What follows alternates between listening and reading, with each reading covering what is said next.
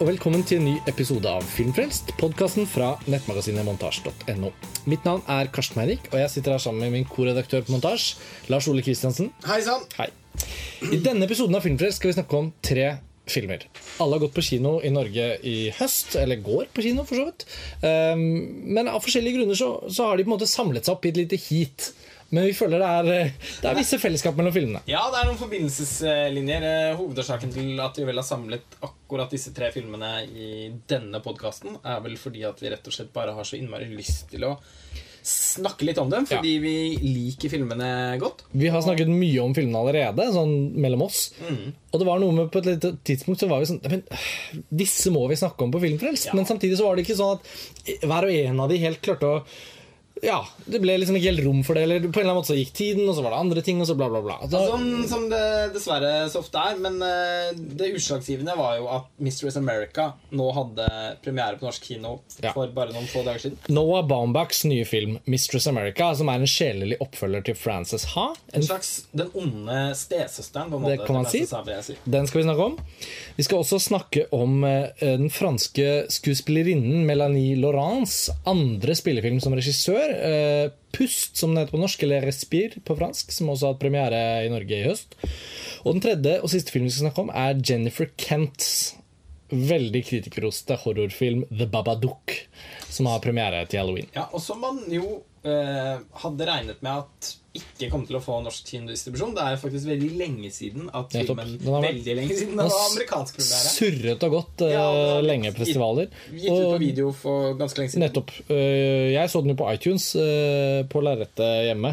Og Gammeldags som jeg så den på en DVD eh, tidligere i, i år. Men så så den er tilgjengelig på video on demand i Norge, men kommer også på kino. Det er liksom friskt og fin utvikling. ja, og, og, og helt klart en film som vil tjene på å bli sett på kino. Selv om jeg hadde stor glede av å se den på DVD mm, på, på, med, på et lerret med en prosjektor, så, eh, så kan jeg jo bare tenke meg at det å sitte i kinosalen sammen med noen andre, og det er halloween, Ja. og det er en stemning for at man skal bli litt skremt Men det skal vi snakke mer om. Ja, den egner seg. Vi, vi vi får spole tilbake. The Babadook er den siste av de filmene vi skal snakke om, tenkte vi. Men, men bare før vi begynner å snakke om filmene hver for seg, Nettopp. så uh, poenget mitt med å nevne dette var vel egentlig å si at jeg syns det er ganske oppmuntrende da, at vi nå ser at norske distributører ikke gir opp filmer fordi at det tar lang tid å få sikret seg rettighetene. Mm. Altså Det er jo mange ting som spiller inn. Altså.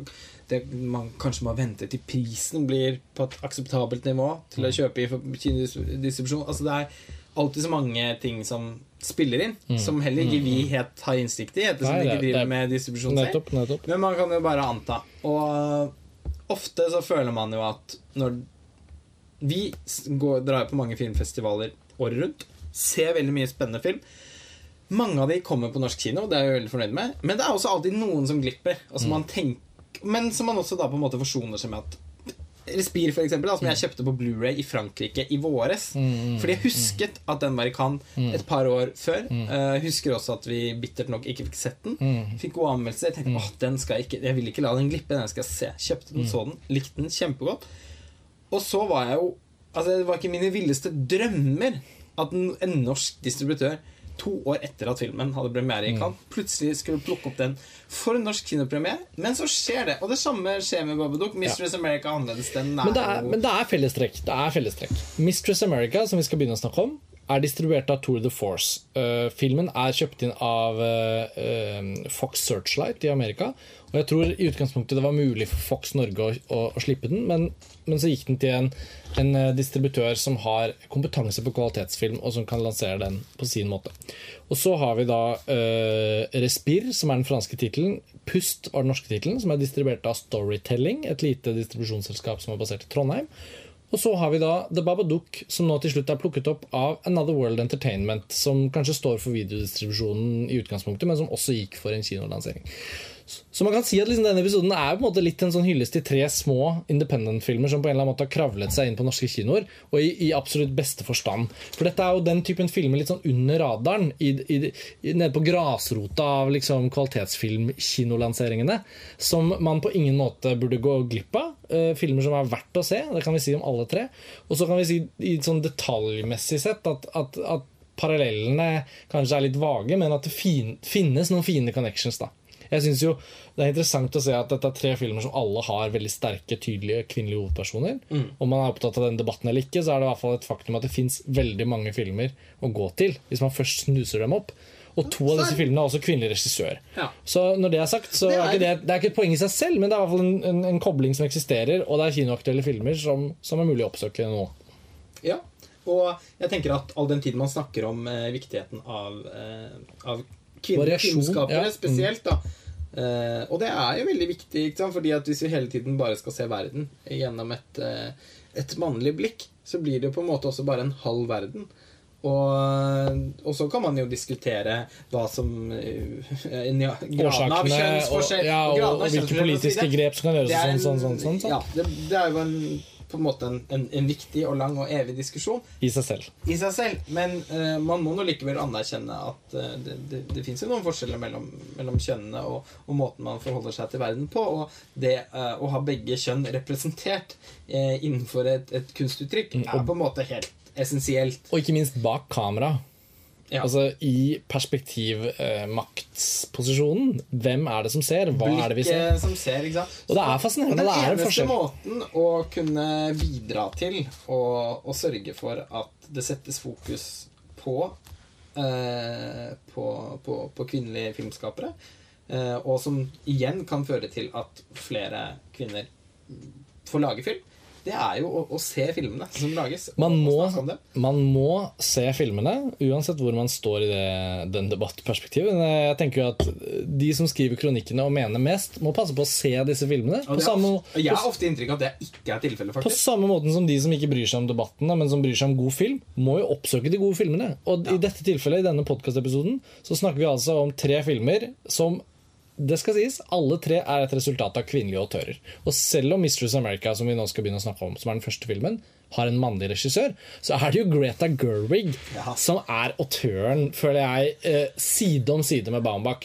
Eh, hun er ikke noe mindre viktig for denne filmen enn det Baumbach er. Utvilsomt uh, ikke. Og da snakker vi om, selvfølgelig om skuespilleren og manusfatteren Greta Gerwig, de- som spiller hovedrollen i Frances Ha, og som her spiller en av to uh, hovedroller. Og hun møtte jo Baumbach altså Det er mulig de møttes før også, men de ble i hvert fall ordentlig godt kjent og, eh, og, og, og inngikk en parrelasjon etter innspillingen av Greenberg, Greenberg, som jo vel er fra 2010.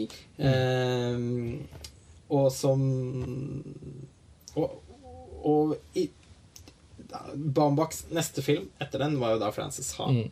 Og det har oppstått en slags symbiose der i det forholdet. Hvor de, ja, de, har, de er på en måte kjærester, men samtidig så har de jo også inngått et langt mer interessant forhold som filmskapere. Ja, nettopp. Fordi det- Frances Ha er jo også skrevet da av Grete Gerwig i samarbeid med Noah Baumbach. Hun spiller hovedrollen. Eh, det samme er jo da tilfellet for Mistress America. Mm. Eh, og man kan jo bare håpe på og drømme om at disse to eh, fortsetter å samarbeide på denne måten oss mange, mange år fremover. Absolutt. For la oss skyte inn en kort fotnote her. Noah Baumbachs forrige film var ikke Frances Ha.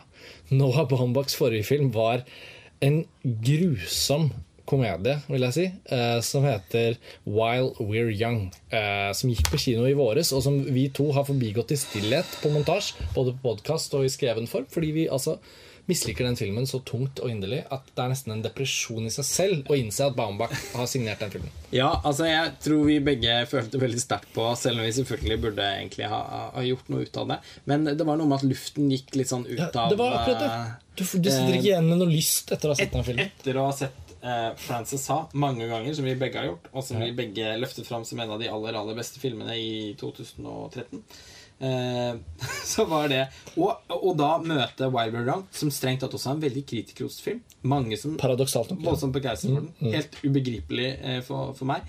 Men så får man altså sånn platt 40-årskrise-fiasko. Eh, helt uten den eh, observasjonsevnen, uten den eh, Altså uten den teften for sannhet, da, Ja. som, som jeg ofte også syns definerer komikken til ja. Baumbach. Det er så sant. Eh, som man kan se i The Squid and the Whale og i Margaret at the Wedding og i særlig grad i, i Frances, og heldigvis, må vi si, Ja. i mesterverket 'Mistress America'. Ja, det er en helt utrolig bra film. Og da lurer man jo Altså, på hva var det som er skjedde den er jo så god Ja. at man blir jo nå helt hva, Ja, hva var det som skjedde? Nei, jeg skulle si hva var det som skjedde med, eh, med Wild Young. Og det, det som skjedde, eller det man kan si, er at i hvert fall i den forrige filmen hans, Wild We're Young, så hadde han eh, Det var ikke noe kreditert samarbeid fra, fra Greta Gerwig på manusplanet. Hun var ikke involvert som skuespiller. Og det er et faktum, fordi det ble skrevet en sak i New Yorker, en profil om Noah Bamak at innspillingen av Mistress America ble gjennomført før Wild Were Young. Så den egentlige kronologien her er jo da at eh, nå Obama lager Greenberg. eh, Greta Gerwig spiller en av rollene. Nå Obama gjør også regien på en pilotepisode til en TV-serie basert på Jonathan Franzen-boken The Corrections, som aldri blir en TV-serie, hvor Greta Gerwig spiller en av rollene. Dette har ikke blitt offentlig. Piloten er ikke vist, den ble kansellert. Det ble aldri noe men det ble et samarbeid. Og de går videre til å gjøre Frances ha samarbeid på manus. Greta Gerwig spiller hovedrollen. Noah Baumbach gjør regi. Og så spilles Mistress America inn. Men fordi han, sikkert via andre samarbeid og ting og ting han hadde bundet seg til det, så skulle Wild We're Young både skytes og da ferdigstilles på et annet tidsskjema. Så derfor havnet Mistress America i en sånn mellomposisjon som gjorde at den ikke ble ferdigstilt før den hadde premiere da i januar 2015 på Sundance-festivalen og fikk gnistrende kritikker.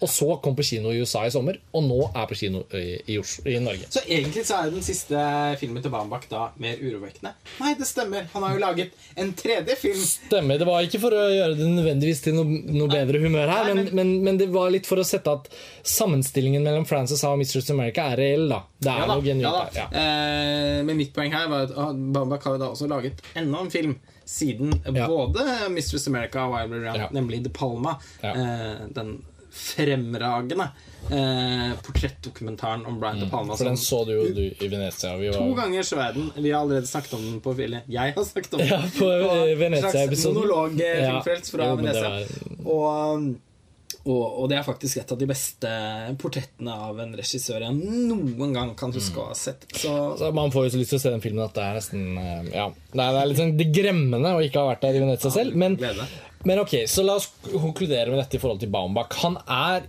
i en slags form som gjør at han er på et sted som filmskaper, tror jeg, da, hvor man kan lage de beste filmene sine.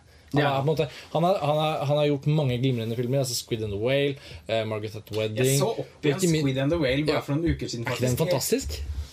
Gud, hvor bra den filmen Den er veldig bra. Men til og med Greenberg er jo også en jævlig bra film. Film. Så, så det står liksom ikke på det. Men, men, men han var jo i en periode en veldig tett samarbeidspartner med uh, Wes Anderson. Og ble på mange måter definert mer som hans liksom, komanusforfatter etc. etc. Og så kan man si at gjennom å finne Greta Gerwig og gå inn i et kreativt samarbeid med henne, så har på en måte nå Baumbach på en måte fått ta et steg til vekk fra Wes Anderson. Og det tror jeg er sunt for han. da Som autør så blir det litt mer eh, Hva skal man si det, det klinger litt bedre å ha sitt eget prosjekt på sin egen måte enn å være tilknyttet Wes Anderson, som alltid vil stå i forbokstav. Ja, Hans vinne eh, som Bamba. regissør, altså som manusforfatter, åpenbart, da så, er han jo, så han, har han jo flere sider. Absolutt. Som han jo får vist gjennom. Ja. Og, og vi kan jo bare spekulere i hvem som bidrar med hva i de manusene til Wes Anderson sine filmer som Jo. Mm. har bidratt på. Men eh, hans lynne som filmskaper er jo nokså distinkt eh, annerledes. Og, Ikke minst et eh, visuell, altså visuell estetikk eh, tar jo noen Ja. steg eh, over i realismen, kan man si, i forhold til hva på, Wes Anderson gjør. ja, på en måte. Samtidig som uh, Francis sa, er jo, uh, som jeg tror vi begge er enige om, at det er hans aller, beste film. Mm. Nå Mistress America er der oppe som et Ja. uh, merkelig Ja. søsken. Ja, fordi nå, så, som jeg sier, alt, nå, nå, nå, er det ikke så sikkert at det får lov til å vare. Mm. Fordi Mistress America er så god. Men eh, det er jo strengt tatt også en svært stilisert film. Mm. Eh, det er egentlig Mistress America også, eh, og det skal vi snakke mer om. Men det var jo også noe av det sånn helt sånn totalt deprimerende med Wild We're Young. At den hadde en sånn televisualitet. Eh, den så rett og slett ut som en episode av Girls. Eh, morsomt også. Jeg har jo sett ganske mye Girls, som de fleste Ja, ja. andre, de, de siste par-tre årene. Men jeg fikk for første gang nå sett Tiny Furniture. Altså Lena Dunhams debut Nei, ikke debut. Hun har laget en ja, hun har laget en sånn- quirky aller aller første film, men Ja. hennes gjennombruddsfilm, kan Det man er på si. bonusmateriale på den karakteren Ja. den, må, burde få sett den. Ja. Men, eh, men på en måte hennes eneste profilerte, kjente spillefilm, Tiny Furniture. Og det var veldig gøy å se den, å se den i lys av Girls, og så se noen episoder med Girls igjen etter den. Ja. Fordi jeg syns jo det var en helt eh, eksepsjonelt eh, god film. Mm. Og det var morsomt å se hvordan Lena Dunham i den filmen hadde en helt annen ambisjon for den visuelle historiefortellingen enn det man kan se i Girls-TV-serien. Ja, ja. Og, eh, og dette er jo en diskusjon som, som vi veldig ofte har oss imellom. Mm. Eh, hva er det? det det er så mye fokus på hvordan TV-seriens eh, altså, Inntog. ja, har, har skapt en ny definisjon for liksom karakterutvikling og psykologisk kompleksitet. Og det er mange som søker mot TV-seriene eh, for eh, kanskje kvaliteter som man tidligere mer har liksom knyttet opp mot roman, romanen, da, egentlig. Eh, mens det er jo så, også så enormt tydelig, hvis man har en, en viss interesse for, eh, for film, å se hvordan filmen, i hvert fall på sitt beste, da, har et, eh, et audiovisuelt eh, språk som som, som rommer ufattelig mye mer enn det de veldig rett og slett sånn narrativt orienterte formspråket som, som, som TV-seriene har. da Televisu Televisualitet, som, man, som man kaller. Televisuality. Og det var forferdelig å se i, i Wild Wild Young. Og da begynte jeg å tenke sånn uh, Der var det som om Baumbach da, i 40-årene, plutselig begynte å minne om Woody Allen på sitt minst inspirerte i 70-årene. Altså sånn eh, Han resignerer til en form for sånn Kanskje det jeg gjorde, ikke var kult nok. Kanskje jeg må gjøre det her. er Eller sånn, kanskje sånn, det- kanskje da... alt det jeg gjorde Altså det arbeidet jeg lagt ned det skal også En film som Margaret at the, Wedding også ser jo kjempeflott ut. Fotografert av nå dessverre avdøde Harris Savides. Eh, mens i Wild Wild Young så er det akkurat som man bare ikke gidder, eller tenker at jeg er så god på å skrive dialog, og det, det Du har så bra cast, og du kommer til å skape en attraksjon til seg med mine filmer, er noe helt annet. enn det. Og så bare er det som om filmen eh, forsvinner. Mm. Uh, og, og, den, og, og, mangelen på uh, på, på, på et kunstnerisk uttrykk i det iscenesettelsen og i, foto, i fotografiet og sånn, det, det, det gjør på en måte også at filmen blir så det, det, blir så gjennomsiktig. Det, ble, eh, det var bare en film som jeg syns falt fra hverandre foran øynene på oss. Og det er ikke det at det er en film helt uten morsomme øyeblikk, for det er ikke. Det er noen morsomheter.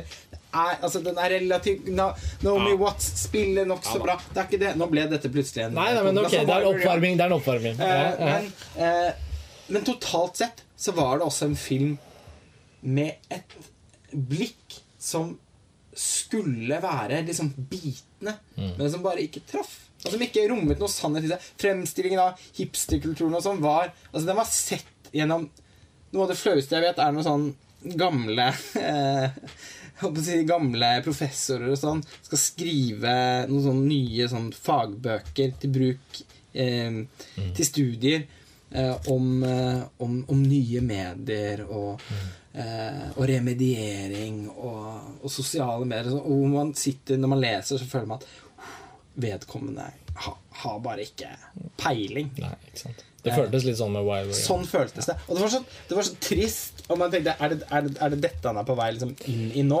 I, inn i 40, han, han beveger seg inn i 40-årene med et sånn mett og bittert blikk. Ja. Heldigvis, da. Eh, Mistress America, som er filmen vi skal eh, snakke om, og nå skal vi begynne å snakke om den også. Eh, så går han jo helt tilbake igjen til den samme type han, han demonstrerer den samme sensibiliteten for å skildre unge mennesker som i Frances. Likevel så er det en film som er vel så forskjellig fra, fra Frances som, som den er lik. Ja, enig. Altså Det vi snakker om nå i forhold til Wild We're Young, er jo på en måte en konkret oppvarming til det å gå løs på Mistress America. Og jeg syns selvfølgelig det er interessant at innspillingsrekkefølgen er Frances har Mistress America, while We're Young. The Palma-dokumentaren har blitt spilt inn over flere år, som parallelt med alt dette. Men, men det, det, det, det, er nå uansett sånn at man føler at Mistress America er et slags tilsvar på While We're Young i positiv forstand. Og, og la oss gå ordentlig inn i denne filmen. Altså, det er en film som ligner på Frances Ha på et par plan som er sånne overflatiske, åpenbare ting. Um, Greta Gerwig, som da altså spiller Frances i Frances Ha, hun spiller her um, uh, den andre hovedpersonen, vil jeg si. Den virkelige hovedpersonen uh, uh, spilles av Lola Kirk. Lola Kirk, som er da um, en ung skuespillerinne som noen kanskje husker fra Gone Girl. Hun spiller den litt sånn tatoverte white trash-jenta på på campingplassen som, som, godeste Amazing Amy kommer til. På et tidspunkt Spytter i glass. Ja. Og, og, og, da har jo allerede Lola Kirk spilt i Mistress America under innspillingen av Gone Girl, men uansett. Um, la oss bare kort ta plottet. Altså, Lola Kirk spiller en ung jente som kommer til New York for å studere, og hun drømmer om å bli forfatter. Og moren hennes skal gifte seg med en ny mann, og denne mannen har en datter som er uh, ca. 30. Uh, Lola Kirks karakter er vel 18-19, liksom, akkurat ute av high school. Yes. Og, og hun kommer til New York og føler seg rimelig mistilpass. Det blir en, enormt effektivt fortalt i, filmens første to minutter hvordan hun får det når hun liksom kommer til college, begynner å gjøre seg vant med å skal bo på rom med noen. Det er liksom så, utrolig mange sånne små, perfekte sånne snippets som forteller oss hvordan hun har det. Altså for, Gjennom fortekstene til filmen? Rett og slett fortekstene. Hele... Med en sånn fantastisk åpningsmusikk. Vi kommer sikkert tilbake til den musikken. Og så, på et eller annet tidspunkt, så bare kjenner hun at det er litt sånn vanskelig. Det er ikke bare bare. Og så sier moren men men ring hun Brooke, da. Mm. det er jo, hun skal jo bli halvsøsteren din. Og så i et eh, Ja. Hva skal vi si om det? Ja, du begynner å le bare. Hun sitter, ja, hun, hun sitter på restaurant og spiser mat. Og på, på hva skal man si, på, på restaurantens lydanlegg No more lonely nights ja, Paul, McCartneys, uh, Paul McCartneys kjente låt uh, spilles i bakgrunnen, og, og, du aner det hvis du først følger med. Ja. i uh, valget av musikk ja, det er fantastisk. genererer noe humor som er vanskelig å og Lola Kirks uh, hovedperson da tar opp telefonen, ringer denne ukjente jenta som hun ikke vet hvem er, men som skal bli halvsøsteren hennes, Brooke. Å nei, nei, kommer til telefonsvaret, legger på. Legger og telefonen. Litt ut også. Og da har allerede jeg i hvert fall brutt ut i latter ved at nærbildet av hennes telefon er en sånn iPhone Det er en iPhone 3G hvor hele glassflaten er sånn sprukket i, i knust.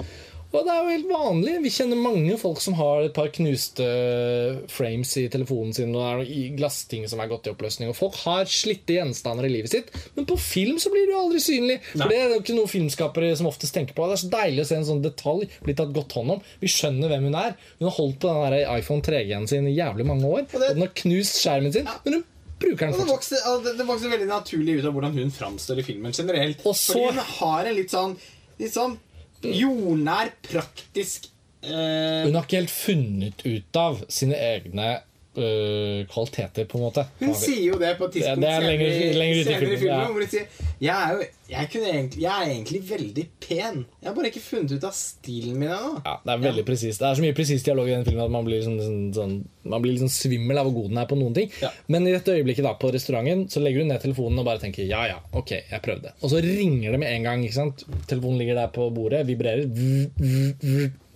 Og så tar hun telefonen og sier Hello, this is Brooke. I had a missed call from this number. Og så, og så, kommer de i gang, da. Og så avtaler de å møtes, og de møtes på Times Square i New York. Og da kommer, you know where Times Square is? Ja, det er så fantastisk. Det er så mye morsomt i den filmen.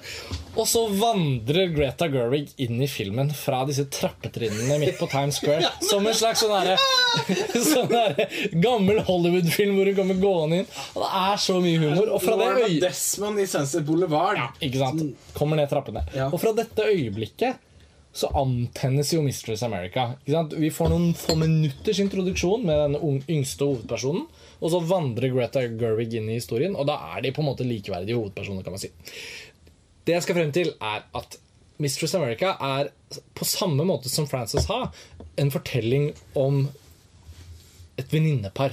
Mm. To jenter som finner hverandre i livets sørg, sorgfulle øyeblikk, i, i en kjærlighet til hverandre som er på en måte platonisk, eller som er på, på et annet plan enn det man liksom skulle si når man sier det er en kjærlighetshistorie. Det er ikke det, men det er liksom sånn Det er en venninnehistorie som har alle disse elementene. Men Tracy, som har en altså Lola Kirkson-karakter, Ja, som jo Mm. har en fortellerstemme som går gjennom filmen, hvor hun leser utdrag fra novellen hun skriver, som hun kaller for Mistress For det America, er i som baserer seg på, uh, på Brooke. Fordi hun får jo disse fantastiske opplevelsene med Brooke i løpet av dette første døgnet, hvor de henger sammen. Hun får være med på Brooks fantastiske New York-verden. Fordi hun- at Brooke deler så mye av seg selv. Nettopp. Fordi hun egentlig er en utrolig sjenerøs person, Veldig. men samtidig også Hun ser ikke seg selv fra utsiden. Nei. Og hun sånn- har også noe passiv aggressivitet og noe, og noe genuint eh, sånn mistroisk Nettopp. over måten hun forholder seg til andre mennesker i verden på.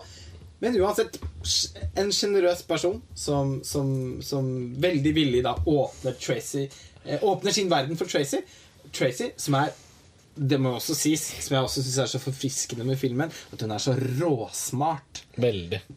Sylskarp. Hun skjønner med en gang at her er det noe. Dette er en karakter. Det er så sjeldent å se hovedkarakterer som er sånn. Veldig ofte så føler jeg hovedkarakterer i filmer møter verden rundt seg med liksom veldig sånn åpent naivt blikk. På en måte så gjør hun det, men man Bambak er hele tiden veldig sånn påpasselig med å understreke at mm, ja, hun, hun, ut, hun er så sosialt intelligent, så hun kan gi uttrykk for eh, at hun opplever situasjonene på en litt sånn over euforisk eh, nysgjerrig måte. Men innerst inne når hun kommer hjem på det litt sånn sure studentrommet, setter seg foran PC-en eller Mac-en da går det ikke, det går ikke engang et sekund. Nei. Det er sånn, Når det klippes til at hun er ferdig med dette fantastiske døgnet med Brooke Det første Tracy gjør, er sånn Dette er den historien som jeg kan skrive. Dette er litt mitt gjennombrudd som forfatter. Jeg bare gjør alt det Brooke har fortalt og sagt. Det omformer jeg til fiksjon, da, i hermetegn. Ja, hun Jeg kaller det jo for det. Så er det jo helt Jeg skriver en historie. eh, Og det hun selvfølgelig gjør, er bare stjele, da. Eh, Brooks eh, personlighet og gjøre det til en rollefigur i en eh, novelle. Og så kan man si at ok, det er egentlig bare en utgangspunkt for det denne filmen er. Vi trenger ikke egentlig gå ytterligere inn i plottet, føler jeg. utover det som føles naturlig etter hvert som vi snakker om andre elementer.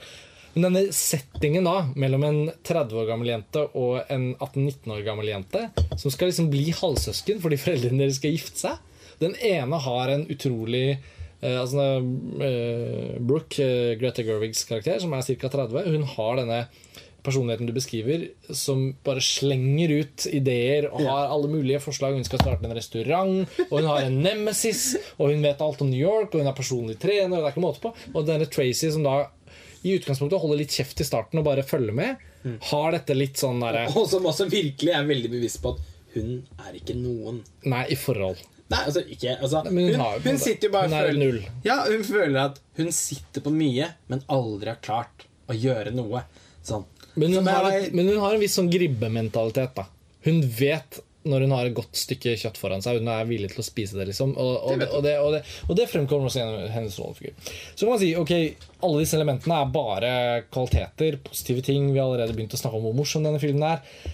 Men hva er det da som gjør at den er så god at vi kan sette den side om side med Frances A? Det, det føler jeg i utgangspunktet er at denne relasjonen mellom disse to jentene er så fint tegnet opp. Både når den er karikert og morsom og sånn der typete, og når den er helt over i sånn uh, screwball comedy uh, liksom. Det er jo et Altså, sånn- strekk der på det, det, blir, det, 30-40 minutter, som Altså- er ren screwball. det er jo en komedie som virkelig er en sjangerkomedie. Ofte når vi har tatt opp komedie på Filmfrelst, som ikke kommer opp så ofte, så er det jo filmer som vi syns er morsomme på tross av den sjangeren de er i. Nettopp. Mens her snakker vi jo faktisk om en film som er sånn kjempededikert til å være en komedie, og en- da en screwball-komedie. men som også er liksom Men særlig da Som sagt, det er også litt en film i filmen her. Eh, 30-40 minutter langt strekk. Vi drar på en roadtrip. Ja. Ja. Og hvor vi befinner oss inne i et, eh, en sånn eh, hypermoderne design-villa. hvor eh, veldig mange ulike typer rollefigurer som kommer fra ulike steder, plutselig samles inn un under samme tak, og hvor det blir en sånn farse omtrent. Eh, kjempemorsomt. Ja. Utrolig vellykket. Eh, og så kastes vi også, heldigvis vil jeg også si, tilbake til den herre Til den eh, urbane settingen. Som er mer realistisk, kan man si, og som har en mer sånn uh, autentisk, hverdagslivsaktig dimensjon. Ja, men det har en litt annen puls Ja, enn det og- litt sånn humoristiske kammerspillet eller og denne vennskapsrelasjonen, eller søskenrelasjonen, som det også på en måte er innom å være, i hvert fall, den har en ganske sånn fin sånn akse, vil jeg si. da At i, i første tredjedelen av filmen så får vi denne herlige møtes og bli kjent-dynamikken. Og så kommer den på en måte dramatiske utviklingen som gjør at uh, rollefigurene slynges ut på en roadtrip som har et veldig spesifikt mål. Det skal oppnås noe, det dukker opp masse bifigurer, og de stables oppå hverandre som et slags sånn korthus av figurer uh, som begynner å spille inn på denne Og parallelt med dette så er det også sånn at rollefigurene gjennomskuer hverandre. Ja. Men der er Bombach veldig påpasselig med å hele tiden bare antyde. Det er noen, sånn, noen toner i måten ting blir sagt på, noen blikk, men veldig forsiktig gjort. De er, han, denne litt sånn nyforelskede fasen, som kan oppstå også liksom, i vennskap eh, med folk, eh, som eh, Og det er jo det Så både når sitt høydepunkt og får sin nedtur. Det var egentlig det jeg skulle inn på Når jeg nevnte dette med fortellerstemmen i stad. Hun sier vel også på et tidspunkt at At hun er in love Ja. med denne nye, fantastiske, fascinerende personen som hun Ja. har møtt, men som hun da likevel innerst inne eh, ser på med medynk. Ja, stemmer. Har. For det ser man jo også når man hører denne novellen hun har skrevet. Ja, Som på et tidspunkt blir lest opp, uten å si noe mer om det. Ja, og det, og det er eh, det er jo da ingen tvil om at Tracy er i besittelse av et ganske skarpt blikk. Og det er jo også en del av denne filmens kvalitet. er at Den, den, den ønsker jo ikke da beskytte sine hovedpersoner mot et usympatisk eh, hva skal man si, presentasjonsmønster. Det blir sakte, men sikkert mer og mer sånn at disse jentene blir jo bare verre og verre, på en måte. Men man får mer og mer Det er noen medfølelse. fantastisk morsomme ting. Det er sjelden man kan se på film, også virkelig, Ja. for seg. Personer som eksempel 'Dette må gi en ærlig tilbakemelding'. Det, det er sjelden. You want notes? Ja. Altså, uh, no, thank you. For, det, for det, er, det må sies at Mistress America er en film som er så rik på birollefigurer. Den, Ja. burde, den burde jo nesten få en egen pris, tenker jeg. Ja, Altså, du, da, vi har jo en som heter Nicolette, som da må være årets. jeg vet ikke om det er Jeg vet ikke om det Det er best opplevd ved å se filmen. Ja, Hvis, det det er, hvis, ja, nei, hvis det er noen tvil, så er jo dette selvfølgelig en film vi anbefaler enormt varmt.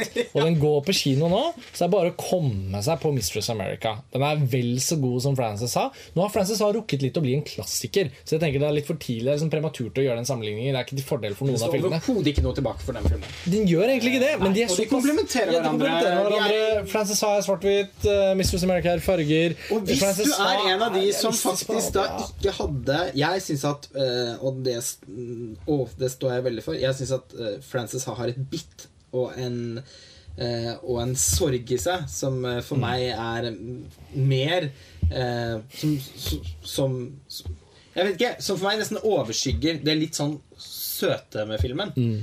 men hvis du er blant dem da som syns at, at, at Frances Ha var eh, var for søt og for forsøksvis For gullig, for Ja, å bruke svensk ord. Nettopp. altså Det fins ikke egentlig noe bra norsk ord for det. Men, og at, at den var i sort-hvit, og at den leker seg litt med en sånn fransk nybelig Hvis det var noe av de tingene som du av en eller annen grunn Jeg vet at en del av disse fins. Ja. Gjorde at du ikke helt kunne utstå Frances Ha. Så er Mistress America filmen for deg. Nettopp. For her får du kanskje noen av de tingene du satte pris på. Ja. Eh, eh, Den er syrligere. Ja, bestemt. Altså sånn eh, Hvis det er søsken, søskenfilmer, så er på en måte Mistress America litt sånn eh, onde stesøsteren, bokstavelig talt, eh, til, til Frances Ha. Og den samtidig, da, som selv om den er så Den har sin skarp egen varme. Den har er det. Ja, for den er jo det. Altså, den har jo også en sånn Den er så klok, eh, og det som er sant, og det som er godt observert, kan aldri være kynisk eller eh, Eller fremstå usympatisk på en eller annen måte. Det, det gjør at man ved å se filmen faktisk føler Den gjør godt, da, Mm. syns jeg. Det å se Mistress America Nå så jeg den for andre gang se, i går. Mm. Og bare satt og følte at åh, ja dette, det, dette gjør at jeg kan møte verden eh, på en bedre måte. Mm. Eh, etter å ha sett den. Det er noe med at filmen også syns jeg klarer å, å bli veldig rørende. Eh, det, For det blir den absolutt. Og der har den veldig mye til felles med Frances sa, at den har et sånt, en måte å avslutte historien på. sånn, ja, men den er litt sånn rørende på egentlig en sånn enda mer kul måte. Fordi det er så uforventet. Mm. Ettersom det Særlig etter den her farseakten Mm. eh, så er det, føler man at det er ganske mye som skal til for at filmen skal kunne liksom koble seg inn på et sånn emosjonelt eh, spor. Ja, Men det gjør den. På en, igjen på en så utrolig effektiv måte. Det er jo så, den filmen har også et manus som er Som de færreste klarer Perfeksjon. Hvordan skal du skrive skrive i løpet av en karriere. Og jeg har sett intervjuer av Greta Gerwig nå i forbindelse med Mistress America, hvor hun presiserer at dialogestetikk har vært enormt viktig for dem. Det er ikke noe improvisasjon. Nei, det, Det er det det skrevne seg ord. selv. Og det er veldig viktig sånn som hun, hun, hun skal jo også gjøre sin regidebut nå, det er et annet prosjekt. Mm. Men man merker jo når Greta Gerwig snakker om disse filmene, at det er vel så mye hennes filmer Mm. som det er nå Obamas filmer. Og der tror jeg det er en veldig sånn fin likestilthet. Tenk der, jeg ser for meg at de sitter hjemme på kvelden og drikker Ja. vin. Og sitter og koker opp disse Ja, rollefigurene. Og greiene. Smi vil jeg vel si at det er et ord for å beskrive dialogen. i hvert fall Ja. Altså Den der ordsmeden som jeg føler Greta Gerwig bringer til torgs her, det er så åpenbart også, fordi hun formulerer jo halvparten av manuset selv som en av disse rollefigurene. Og det er altså så elegant i bare spillet på hvordan det Concentrated, pump it up and turn it into a tweet. ja. Og det er bare sånn, En ting er at hver setning ser ut til å ha sin egen musikalitet. De er komponert som små symfonier som skal fremføres med en viss rytme og en viss, et visst tonefall som skal treffe helt presist. Men det er noe med at alle filmer har sine små universer, og de må etableres og knas og bli troverdige på sin måte. Og, og, og det Greta Gerwig og Noah Obama holder på med sammen, da og nå sammensetter jeg disse to filmene, Frances Ha og Mistress America, de introduserer liksom en sånn en helt egen sånn form for sånn hva skal man si, sånn paradigmeskifte man sier sånn der Jo, men independent-filmen i Amerika, og måten vi snakker sammen på film, og hvordan disse filmene er klippet og rytmifisert på sånn og sånn, og sånn det kan gjøres på denne måten. Jo, det er en viss arv fra Woody Allen der. Man kan si det, jo, det er kanskje et slektskap til noen av replikkene i, i Lena Dunhams uh, TV-serier og filmer. og. Mumblecore. Og, og, og, og Greta Gerwig kommer jo fra Mumblecore. Hun ble oppdaget uh, Ja, nettopp. Hun, hun, hun jobbet jo sammen med Joe Swanberg på de aller første Mumblecore-filmene og har vært med på mange av dem og jobbet med mange av de forskjellige regissørene. og sånn Men samtidig, når hun begynte å forfatte sine egne ting, så var det jo ikke sånn. Da var det jo ikke den improviserte estetikken og sånn, men ut av det så kom det jeg tror hun har etter hvert begynt å gripe tak i og si at jo, det er sånn her det skal være for meg når jeg skriver det selv. Da. Hun jobber jo som skuespiller for andre, på andre prosjekter. Og det er jo ikke sånn at hun forfatter alt hun er med i, men det er noe så viktig og så bra over den rollen hun spiller i, i samarbeidet med Baumbach, og også på egen hånd. Og, og det at hun nå da i neste år, sikkert da, 2016 sannsynligvis, kommer med sin første film som regissør, det er veldig spennende, syns jeg. Så Mrs. America er jo på en måte en film som manifesterer mange kvaliteter på samme tid. Det er både kult å se at nå Bambak er i form, det er kult å se at sjangeren i seg selv, denne sånn jente-venninne-filmen, og, og måten å være en komedie på i to forskjellige sjangere litt. Frances har på en mer sånn realistisk, sånn nybølgereferanseaktig, deilig sånn litt mer sjarmerende type komedie. Mens, mens Ja, den er jo det. Ja, og Mrs. America er mer den der litt sånn bitre, men også herlige og, og syrlige og sarkastiske. Samtidig som det er rørende og varme. Uh, tidvis screwball-aktige komedier. Det er vanskelig å pinpointe det Det er noe med det aldersgapet uh, som jo på en måte, særlig også i våre dager, uh, ikke er et gap. Man snakker om at hele tiden om at 50 er det nye 40, og 40 er det nye 30 osv. Nå står jeg for- 10 det det høres ut som et ukeblad. 20 er det nye 10, 10 er det nye 0. Ja. Ja. Men, men det er noe med at i dag så er det jo ikke sånn at en person på 20 og 30 nødvendigvis befinner seg så veldig langt fra hverandre. Nei. Men likevel ikke i, i, i hvert fall ikke, ikke i måten å liksom være i verden på. Men inn, altså sånn, skreller man litt dypere inn mot Mm. kjernen, da, så, så er det likevel et, et slags hav av forskjell der. Det, er, det, sam, det samler seg opp en sånn slags angst for å bli mislykket. Eh, en, eh, en følelse av at mulighetene som bare for noen få år siden virket så uendelig mange, eh, og lå så åpent til rette, snevrer seg inn. Ja. Eh, og dette er jo også noe Frances Ha diskuterer. Men Frances Ha, og det er veldig gøy, syns jeg, helt spesifikt, å være i alder med Greta Gerwig sine rollefigurer Mm, i Nao Obama sine filmer. For jeg var 27 da den 27 år gamle Frances Altså, Mm. eh, da, da Frances Ha kom. Og Frances er 20, 27. Mm. Og jeg er da 29 når Nå er hun riktignok 30. Eh, men Man kan vel si om deg at du er nesten 30, da, for å si det sånn. Ja. Og det er morsomt å se bare på den lille De, de, de par årene. Mm, ja, det stemmer. Ja, du kjenner at du nærmer deg. Ja, Ja. fordi i Frances Ja. så den, Det er jo en film som tematiserer litt den siste fasen av liksom mulighetsfasen. Mm. 20-årene som en Ja, mulighetsfase. og det er liksom det ultimate uh, 20-årene. Mm. Altså den å, Hvor du bikker over i late 20s. Mm. 27. Og Frances sånn mm, ja, men 'Jeg danser. Jeg er ikke så Men ikke flink til å danse. Jeg kan bli danselærer.' Mm, Jeg vil gjerne sette litt opp min egen greie, Ja. men Jeg jeg tar en tur til Paris. Ja. og hun, og hun er bestevenninne, mm, men hun har etablert seg, funnet en fyr, flytter til et annet sted. Ja. Det Den er jo veldig sann. Ja, Den filmen der. Altså, sånn. Og disse to filmene sammen nå er sanne. Og det, det må jo også sies at Mistress America er jo da langt mer sånn utspjåka og, og mer over the top og karikert og befinner seg i et mindre sånn stofflig Ja. eh, univers. Men det er også en av de kvalitetene som gjør at man kan ikke si at oh, Mistress America det er bare en Frances Ha 2, eller sånn. Så det, det går jo ikke an å si, for de er så forskjellige. Er veldig Så oppi det at vi sier at de har likheter, som handler på de grunn... Ja, det er jo mer om de grunnleggende tingene, og at vi kan se broen mellom filmene. Men at filmene som enkeltstående opple filmopplevelser har, har så mye til felles, det er egentlig ikke helt riktig. Fordi de, de representerer mer en sånn interessant sånn derre etter Metaforen blir så god, da. Søstre eller eh, stesøsken. Altså to frittstående, utenforstående enheter som har en eh, tilkobling og tilhørighet til hverandre som er uomtvistelig, men som samtidig ikke er definisjonen av hvem de er. Du mener egentlig at filmene er venninner, og at forskjeller tiltrekker hverandre? Det er det jeg mener. Jeg, jeg, det er akkurat det jeg mener. Nå er det ikke rart at vi bruker mye tid på Mistress America her. Nei. Fordi den er, den er er, den- den den er ikke bare en utrolig god film som alle må gå og se på kino fordi den går på kino nå, men det er nå engang sånn at vi har jo erkjent overfor hverandre. Begge vi har sett filmen to ganger, og den har fått uh, mulighet til å synke inn. eh, den er en av årets beste filmer. Det er bare å si det med en gang. Den er helt, uh, helt eksepsjonelt god. Og, og det, er, det er vidunderlig at den går på kino i Norge, for det er ikke selvsagt nå til dags.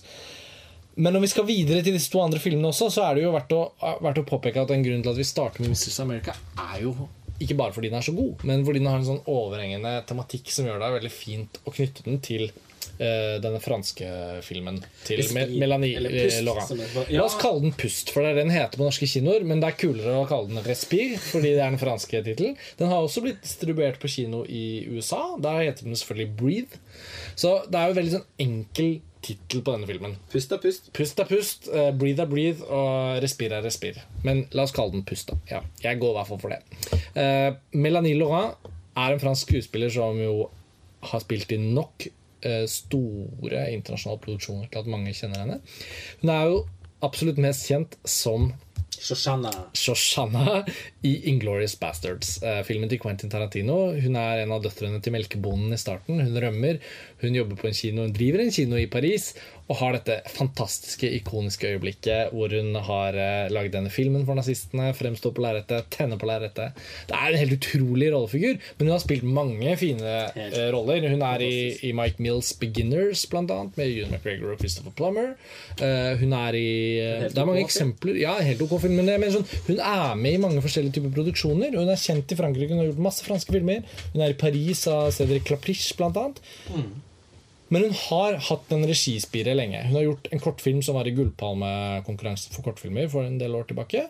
Hun gjorde sin aller første film og, uten at den gjorde noe særlig inntrykk. Og så kom hun med den Respire, da. Eh, I Cannes i 2014. Eh, Jeg husker ikke om det var i Kazan eller Kritikerliga. Jeg tror det var Kazan. ja, et av sideprogrammene. Den fikk veldig god mottakelse. Vi prøvde å komme Ikke bare komme inn på den, vi prøvde å liksom programmere den sånn, sånn, akkurat sånn som Cannes alltid er. Ja. Og hvordan skal man få sett alle disse filmene vi har lyst til å se? Sånn sånn, så det bare passet ikke. Så glapp det. Ja, det var en viss depresjon der, husker jeg. Fordi vi så også at den hadde premiere på en annen festival litt senere. Og det var sånn, faen, den er til Melanie Laurent. Den burde vi ha fått sett. Ja, Og så, var kom, og så kom øyeblikket våres hvor du returnerte fra en fransk DVD-butikk. Ja, da det, Da klarte jeg å Da var den nettopp faktisk blitt utgitt på, på Blu-ray i Frankrike. Og kjøpte den. Så den. Og likte den veldig godt. Og vi snakker jo om film hele tiden, så jeg fikk jo formidlet det til deg med en gang. Altså, fått- var til å ta og føle ja, altså, på. nå har jeg sett den spille. Den var jo kjempebra. Sånn typisk film som burde vært på norsk kino. Ja.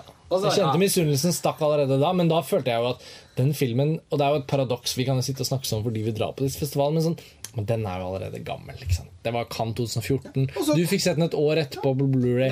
Ja ja, tenkte jeg Ja, bare. jeg tenkte også, forstå- Men iallfall, jeg fikk sett den. tenkte Jeg var veldig fornøyd med det Så kommer sjokket, da.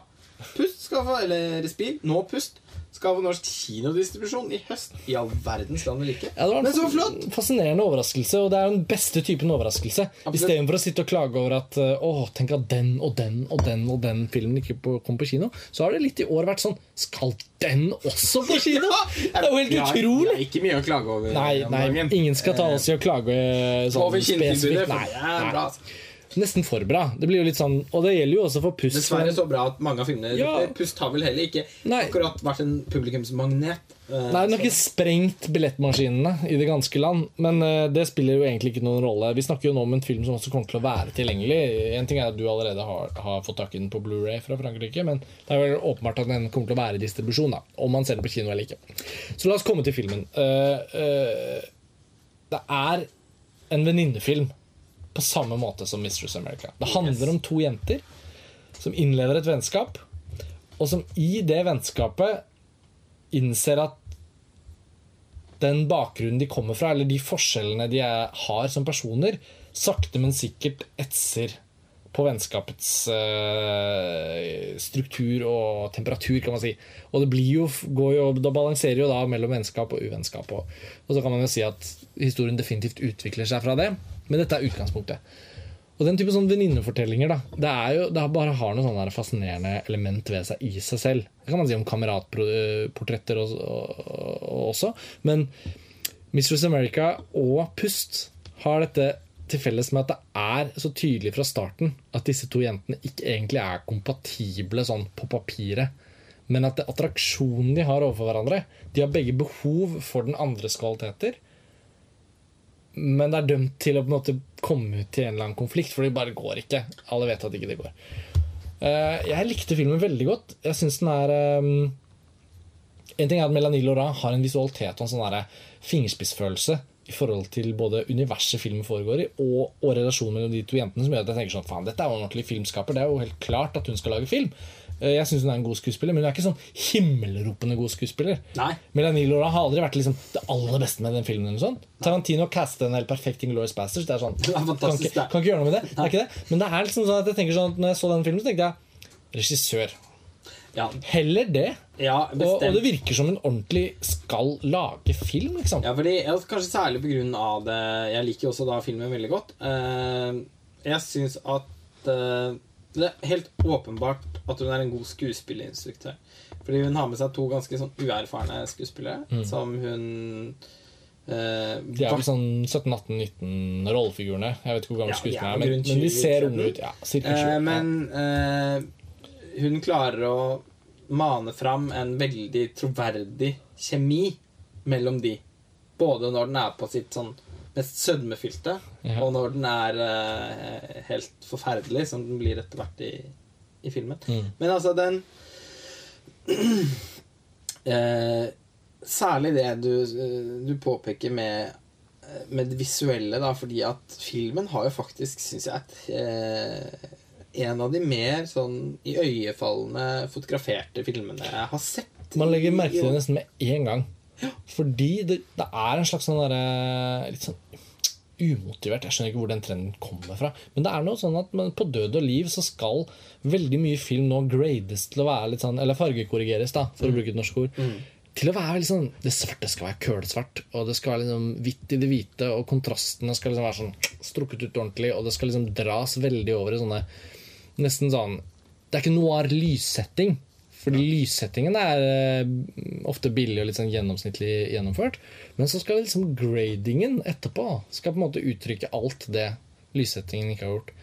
Det fascinerende med Pust, og det Melanie Laurent var liksom valgt å gå for, er at den er sånn, sånn Den har nesten ingen svartnivåer. Det er lagt et sånt Det er på en måte sånn en lyssetting og for så vidt også fargekorrigering som gir filmen sånn derre lav Eller sånn satureringen av fargene er ganske sånn på lav intensitet. Samtidig som at det er ikke egentlig akkurat fargene det handler om, men det handler om en sånn form for sånn Hvor det liksom en sånn, sånn gråaktig eh, hinne får lov å være med i alle fargesjatteringene. Som gjør at det ikke er sånn kølsvart noe sted i bildet. Isteden så er det en sånn følelse av sånn, er sånn gråsvart burgunder, men ikke helt svart. og Sånn. Og, og det høres kanskje nerdete ut å beskrive det, på men, men, sånn men det gir det Fersken og rosa. Ja, det er ganske og det gir en sånn tekstilaktig look. Som er sånn du, Det plagget kan aldri være helt svart. Nei. Fordi det har noen sånne Og så er det noe med at den eh, har eh, Hvis man kan si det, så har den liksom feminin look. På samme måte som The Bling Ring av Sofia Coppola, som er en av de filmene den minner meg mest om visuelt. Som også er en veldig Mm. Ja, det er sant. distinkt det har noe Harry. Savides-aktig visualitet. Yes, og, og, og, og i likhet med Bling Ring så er den da veldig sånn tydelig digitalt fotografert. Mm. Eh, og det var jo en, en tydelig forskjell fra Bling Ring og de tidligere filmene til Absolutt. Eh, Coppola, som har et veldig sånn teksturert 35 mm uttrykk. Mens, eh, mens Bling Ring ikke har det. Og Respir er jo også da veldig sånn tydelig digitalt fotografert, men den omfavner Altså den lager en, en estetikk ut av det. Eh, og det er helt åpenbart også at det er ikke altså, Laurent, Melanie Laurent har ikke jobbet med, det samme, med de samme kameraene som David Fincher gjør når han fotograferer digitalt. Som, Annen type som etterligner på en måte Altså filmene til, eh, til altså Gone Girl ser ut som Gordon Willis, på en måte. Altså, sånn, det er noe helt annet. Eh, men hun omfavner da liksom det, det digitale, den digitale looken og gjør noe ut av det. Og som sagt, det er mye sånn, sånn rosa, ferskenfarger eh, Litt sånn parfymert eh, Det er litt sånn parfyme i luften, rett og slett. Som Samtidig som ikke estetikken Det blir ikke sånn reklamefilmestetikk heller. Hun henfaller aldri til den derre eh, B. Terence Malick hvor det skal slow-moes ut i hodet. ikke. For det er veldig sånn rett på sak. Altså, eh, Bildene forteller historien Skutt i også. Mm. Veldig elegant komponerte, eh, stort sett. Og, eh, og den har også en sånn uan, Det er en sånn uanfektet realisme Mm. i måten i, Ved iscenesettelsen og, og måten hun tilnærmer seg eh, situasjonen i filmen på med kamera. Det er jo en type Selv om denne filmen da er hakket mer stilisert, eh, vil jeg si, mot i, i, i betydning at den, at den ser jo rett og slett litt flott ut. Eh, Det er også noen scener der med noe, med noe kornaks og noen solnedganger og noe, og, og noe Altså noe, noe hav og noen fugler som flakser over skjermen og sånn. Så det har en viss det er en, poes, en, en viss eh, vi, visuell Det det. poesi Det er her. er. Noen fantastisk scene hvor de drar ut på denne Drar ut på en sånn hyttetur. Eller et sommerhus. Det er ikke en scene, det er en sekvens, vil jeg si. Ja, ja altså, det, men, men den scene mm, mens de er på ved dette sommerhuset, hvor de to venninnene går ut i skogen, eh, Ja. som er spesielt liksom lekkert gjort. Eh, der har man liksom lys som, som kaster sånne striper gjennom eh, tørre treverk. Ja. altså sånn, så det, man ser virkelig at det er en filmskaper som har noen ambisjoner for det visuelle Absolutt. uttrykket. Samtidig syns jeg også filmen da eh, har noe, eh, som jeg sa, eh, sånn uanfektet, eh, realistisk eh, ved formspråket sitt. Og det syns jeg er noe som har preget veldig mye fransk film fra de senere årene. Man snakker jo veldig mye ofte om liksom, ny europeisk realisme, og så refererer man til Andrea Arnold eller Dardem-brødrene. Særlig Dardem-brødrene, selvfølgelig. Som har satt standarden for det. Men i Frankrike så kan man se med filmskapere som, som My Venn og Mia Hansen Løve. Uh, Serinskijamma syns jeg også skal tas med. ja, i og for seg, men hun syns jeg opplever som mer uh, Ja, jeg, jeg syns hun skiller seg ut, da. Hun syns jeg er mer. Altså eh, Men mindre Darden. Hun har jo ikke den der André Arnold Darden Nei, altså jeg tenker tvert imot. Altså, hun er ja. veldig mye mer stilisert. Ja, ja, det er virker vel mer over i et Sofia. Coppola-landskap. mens en filmskaper som Mai Venn, eh, egentlig i alle filmene sine, eh, også de tidlige, Mm. og, og, og Mia Hansen Løve, 'Father of My Children', for eksempel, så ser man en sånn en realisme som jeg ikke er opptatt av å eh, av at kameraets bevegelser eller bilde, tekstur i seg selv liksom skal gestalte en sånn eh, En Troverdighet, på en måte. Eller ja, sånn eller miljø, sånn miljøtroverdighet. markører for realisme, da. Ja, som enig. Ja. eh, håndholdt kamera, kornete tekstur, Den type ting. At man bare mer har Samtidig som de ikke beveger seg over i Michael Haneke, i Caché, som igjen blir veldig sånn Nesten sånn overvåkningskamera. Selvfølgelig veldig passende for filmen. Men det, det er veldig en sånn Et kamera som bare følger med rollefigurene. Eh, og som holder, holder seg på en viss avstand, og som på en elegant måte klarer å skape følelsen av et troverdig fiksjonsunivers. En, en, en troverdig miljøskildring. Da. Og det syns jeg Melanie Laurent, som da Selv om dette da ikke er hennes debutfilm, men hennes andre film, så syns jeg da hun gjør det veldig, veldig men, eh, Veldig elegant, men merkbar selvsikkerhet i, i pust. Og det syns jeg er et av de viktigste kvalitetene ved filmen. faktisk Fordi den forteller jo en historie som må sies å være eh, nokså gjenkjennelig fra x antall andre filmer i samme Altså- sjanger high school, Ja. collegefilm. Kort fortalt om plottet. Altså hun som vi oppfatter som hovedpersonen, og hun er jo hovedpersonen i fortellingen, er en uh, rolig, klok, fin jente i klassen hun går i på skolen, på high school, eller på hva det enn det heter i Frankrike. Og så kommer det en ny jente i klassen, og hun er litt bad girl. Det er basically plottet, oppsummert plottet. veldig kort. Uh, og, eh, og så eskalerer det derfra. Eh, hovedpersonen lar seg fascinere av denne jenta, de blir venninner, og hun bringer noe helt nytt til torgs. Hovedpersonen bor også med sin mor, som har eh, Og faren hennes er sånn til og fra. De er på en måte på randen av skilsmisse, men det er ikke helt sånn at det har skjedd. Faren har en litt sånn aggressiv, voldelig dimensjon som virker litt sånn vag og liksom, kanskje ikke så viktig for fortellingen i utgangspunktet, men som Nei. gradvis underveis som filmen forløper seg, får en interessant speiling da, uh, i henne. Og, og man kan bare si at fortellingen er selvfølgelig ikke det originale elementet her, men som, som jeg føler vi ofte kommer inn på, så en fortelling som litt er en sånn urfortelling, kan ofte være et veldig viktig element av å få en film bra. Fordi de grunnleggende fortellingene er selvfølgelig noe vi alle er interessert i. Det er en grunn til at de har blitt litt sånn arketypefortellinger. Ja. Og, og, og, og så er handler det om hvem er det Melanie Laurent er som filmskaper? Hva er det hun bringer til oss? Hva er hennes blikk? Hva er det hun kan by på? Hvordan er det hennes måte å skildre den relasjonen på kan gjøre denne fortellingen interessant å se om igjen? Og der syns jeg denne filmen lykkes veldig godt. Og det er jo en av hovedårsakene til at jeg syns den er veldig sånn åpenbar anbefaling. Det er at en av de fortellingene vi kjenner godt til, blir her fortalt på en veldig bra måte. Eh, Av en ny og spennende filmskaper. Ja, vi kjenner henne som skuespiller, men nå tenker jeg liksom at i en drømmeverden nå så får vi forholde oss til Melanie Laurent som eh, som en lovende ny fransk regissør. Liksom. Ja. Og, er, og fordi, fordi hun har instruert eh, disse sikkert også da nokså talentfulle skuespillerne er veldig bra, så, så klarer hun å blåse tilstrekkelig liv i denne litt sånn klisjéaktige fortellingen. Dette med den, den spennende nye jenta i klassen. Det, altså, det er en film som minner nesten sånn helt Skremmende mye skremmende mye om. Det er en dansk film som heter You and Me Forever, som kom for et par år siden av Kaspar Munch. Eh, som, som handler om egentlig akkurat det samme. At eh, det kommer en ny jente inn i klassen som filmens hovedperson umiddelbart føler en dragning mot. Fordi at hovedpersonen opplever å besitte et eller annet uforløst potensial.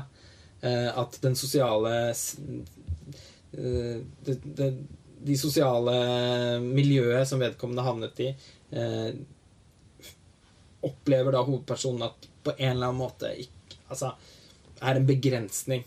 Eh, og i You and Me Forever så er det helt konkret to tidligere venninner, barndomsvenninner, som splittes opp da en tredje person som kommer inn. Og det er jo litt det samme. altså hun, Hva er det hun heter? Roxanne, Roxanne Duran. Roxanne Duran eh, som de fleste stifter bekjentskap med i De hvite båndene. ja. Vi husker den også fra den ganske sjarmerende franske filmen 'Seventeen Girls'. Jeg skulle til å nevne den. eh, Jeg skyter det inn nå. Eh, De eh, regissørene syns jeg også hører til den samlingen du kom med tidligere, hvor du trakk inn eh, Uten at de er like markerte som det My Venn og, Nei, nei, og men, altså, Men, de er, eh, Delphine- den filmen Ja, passer jo inn under den beskrivelsen. Delphine Collin og Muriel Collin, de søstrene som har regissert 17 Girls, de de er også franske regissører som er på gang, og som har noe spennende eh, i denne mellomsjangeren, som er en form for realisme som ikke hengir seg til det der overdreven stilistiske sånn Nå er det, nå er det faen meg realisme, på en måte. Som, som kanskje Darden-brødrene på en litt sånn utilsiktet klisjéfull måte har blitt representant for. Eh, og Delphine Collin og Muriel Collin de gjorde jo denne 17 Girls, som handler om eh, jenter på en high school som bare bestemmer seg for å alle blir gravide, som en slags sånn sosial protest. Det er et fantastisk bra konsept, og filmen lykkes egentlig veldig godt med en litt sånn what if-aktig idé. Og, og Roxanne Duran, som uh, var vel mer som et barn i Det hvite båndet, eh, blir litt en tenåring i 17 Girls. Og her er hun i det som føles som den samme alder, men hun har et litt sånn udefinerbart ungt uttrykk. da eh, Det er litt noen rødlige, krøllete håret. Og hun spiller jo også den franske TV-serien eh, The Revenants. Eller Ja, som jeg ikke har sett. The Returned. Mm. Så eh,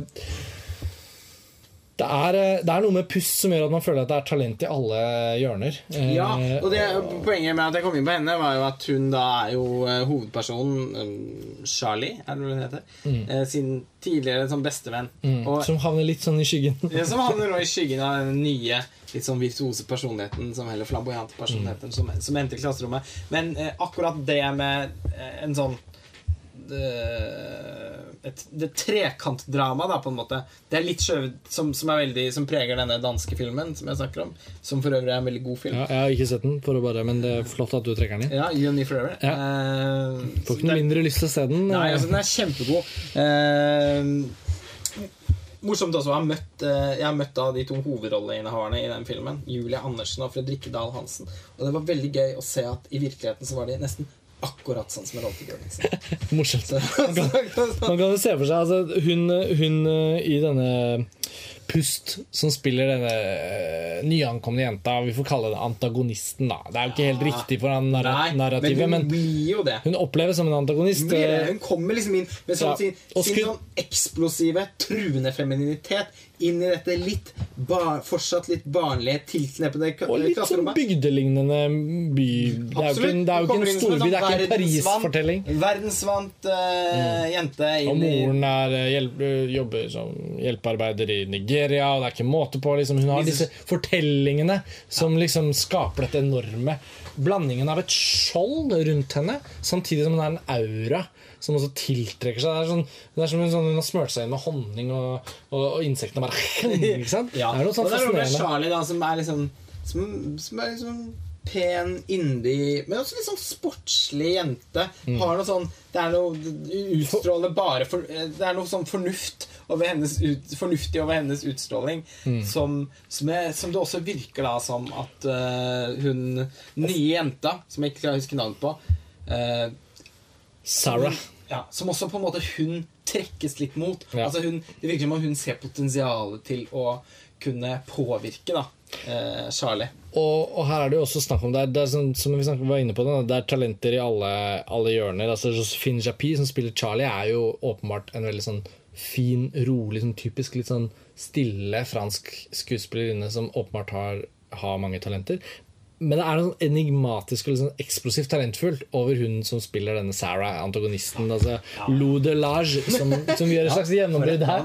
Ja, og, og du så jo henne i Venezia i en ny film sammen med Juliette Binoche. med Juliette Binoche, som Ja. var Altså, når man tenker sammen vi- regnestykke om Venezia, var det faktisk en av de bedre filmene jeg så i Venezia. Jeg synes Ja. også hun gjorde en kjempebra rolle i det. Ja, for det, her, det merker man, og det er en av mange grunner til å skulle se Pust. da Det er jo det at Ikke minst har Melanilo Laurent her brakt på banen en film nummer to som gjør at ok, her har vi en regissør å følge med på. Det snakkes jo veldig ofte om hvor er alle de kvinnelige regissørene. Vel, se til Frankrike hvis dere er på utkikk etter noen. Det er mange. Det er bare å se filmene, så ser man det med en gang. Ja. Og, og dette er en av de, og den er på kino i Norge. Og, og disse skuespillerinnene som spiller de to unge hovedpersonene, har åpenbare talenter. Og i Frankrike så blir det jo ofte sånn. Hvis du ser et talentfullt uh, uh, ja, altså En skuespiller som utmerker seg i en film, så kan du banne på at om et par år så kommer det en annen glimrende fransk film, og så dukker de opp. Det er Jeg husker med da vi så en Alice de Lecvesang i, Ja. i Father of My Children til uh, Jans Løve. Ja. Og så fikk hun den fantastiske rollen i, i uh, Summer Hours Ja. til uh, Olivia Racias. For så å dukke opp en av de mest hjerteskjærende scenene, bare i én scene, i Police. av meg venn. Ja. Uh, i, altså, hun Lode eh, Lodelage. Nei, Ja. flott navn. Hun, nei, hun, altså, hun kommer vi nok definitivt til å se mer av. Og, men det er, filmen har jo også da, i, i, i tråd med disse, den litt sånn oppskriftsmessige fortellingen som vi snakker om, Ja. så eh, Så er det jo selvfølgelig heller ikke Ting er jo selvfølgelig ikke helt som vi tror. Eh, hun som vi nå kaller litt for antagonisten, viser seg Ja. selvfølgelig å bære på noe et eller annet veldig sårt. Mm. Eh, på et eller annet tidspunkt så blir hun avslørt. Mm, Eh, det- hun, Måten dette på en måte det er en grunn til at hun bygger denne ut, festningen rundt seg selv, er jo fordi hun egentlig dypest sett ikke har noe å, å fare med. Og det, og det er der jeg også tenker at det, det som i utgangspunktet kanskje føles som en sånn litt uoriginal eh, narrativ idé, eller utgangspunktet for fortellingen, blir i hvert fall bearbeidet og lagt fram og liksom utbrodert på en finstemt måte som en forteller. Altså det Melanie Laurent velger å liksom gi sånn Hvor han utporsjonerer det, hvordan vi blir kjent med, med det som i utgangspunktet føles som en antagonist, sine andre sider, og hvordan vi begynner å kjenne at sympatien her er jo litt sånn omskiftelig. Det gjør at, at måten filmen bygger seg opp på inn mot siste akten, eh, er vel litt det er godt lagd. Det er faen meg ikke lett å lage så gode eh, eh, filmer, rett og slett.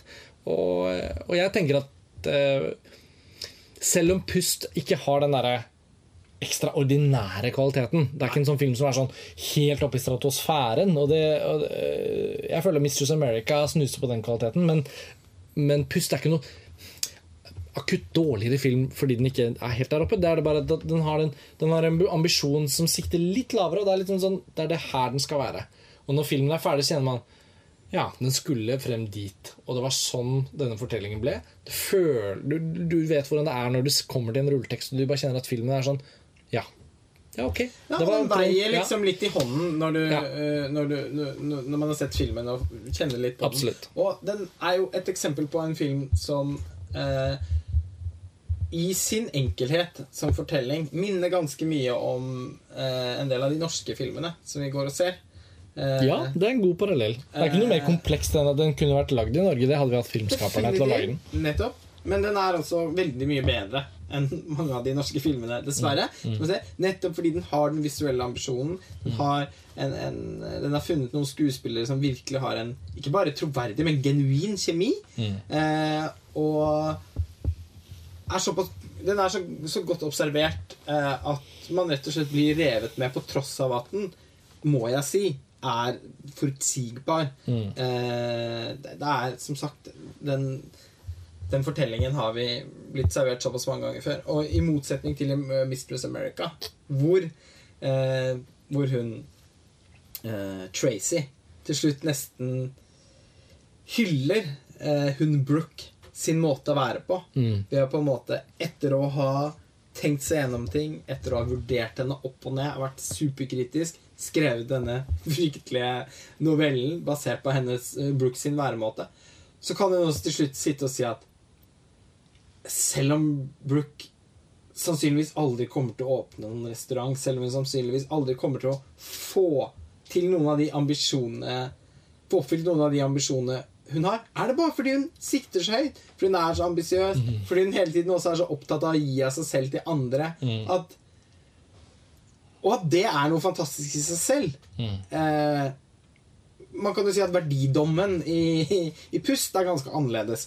Og også kanskje litt plump. Det er noe med slutten i filmen som, som vi ikke kan avsløre, men som, har en, som er kanskje litt psykologisk sett litt forenklende, og som drar med, eh, med filmen fra å være en veldig tradisjonell av high school, eh, college eh, Vennskapshistorie. vennskapsfilm, drar den med over nesten i et mer sånn morbid eh, Altså single white female eh, av eh, Eller, eller Polanski-univers. På en måte, men samtidig så tenker jeg at det er også en konsekvens Barbara Schroeder er som Ja. er en single white female. men, men, men, men konsekvensen av at liksom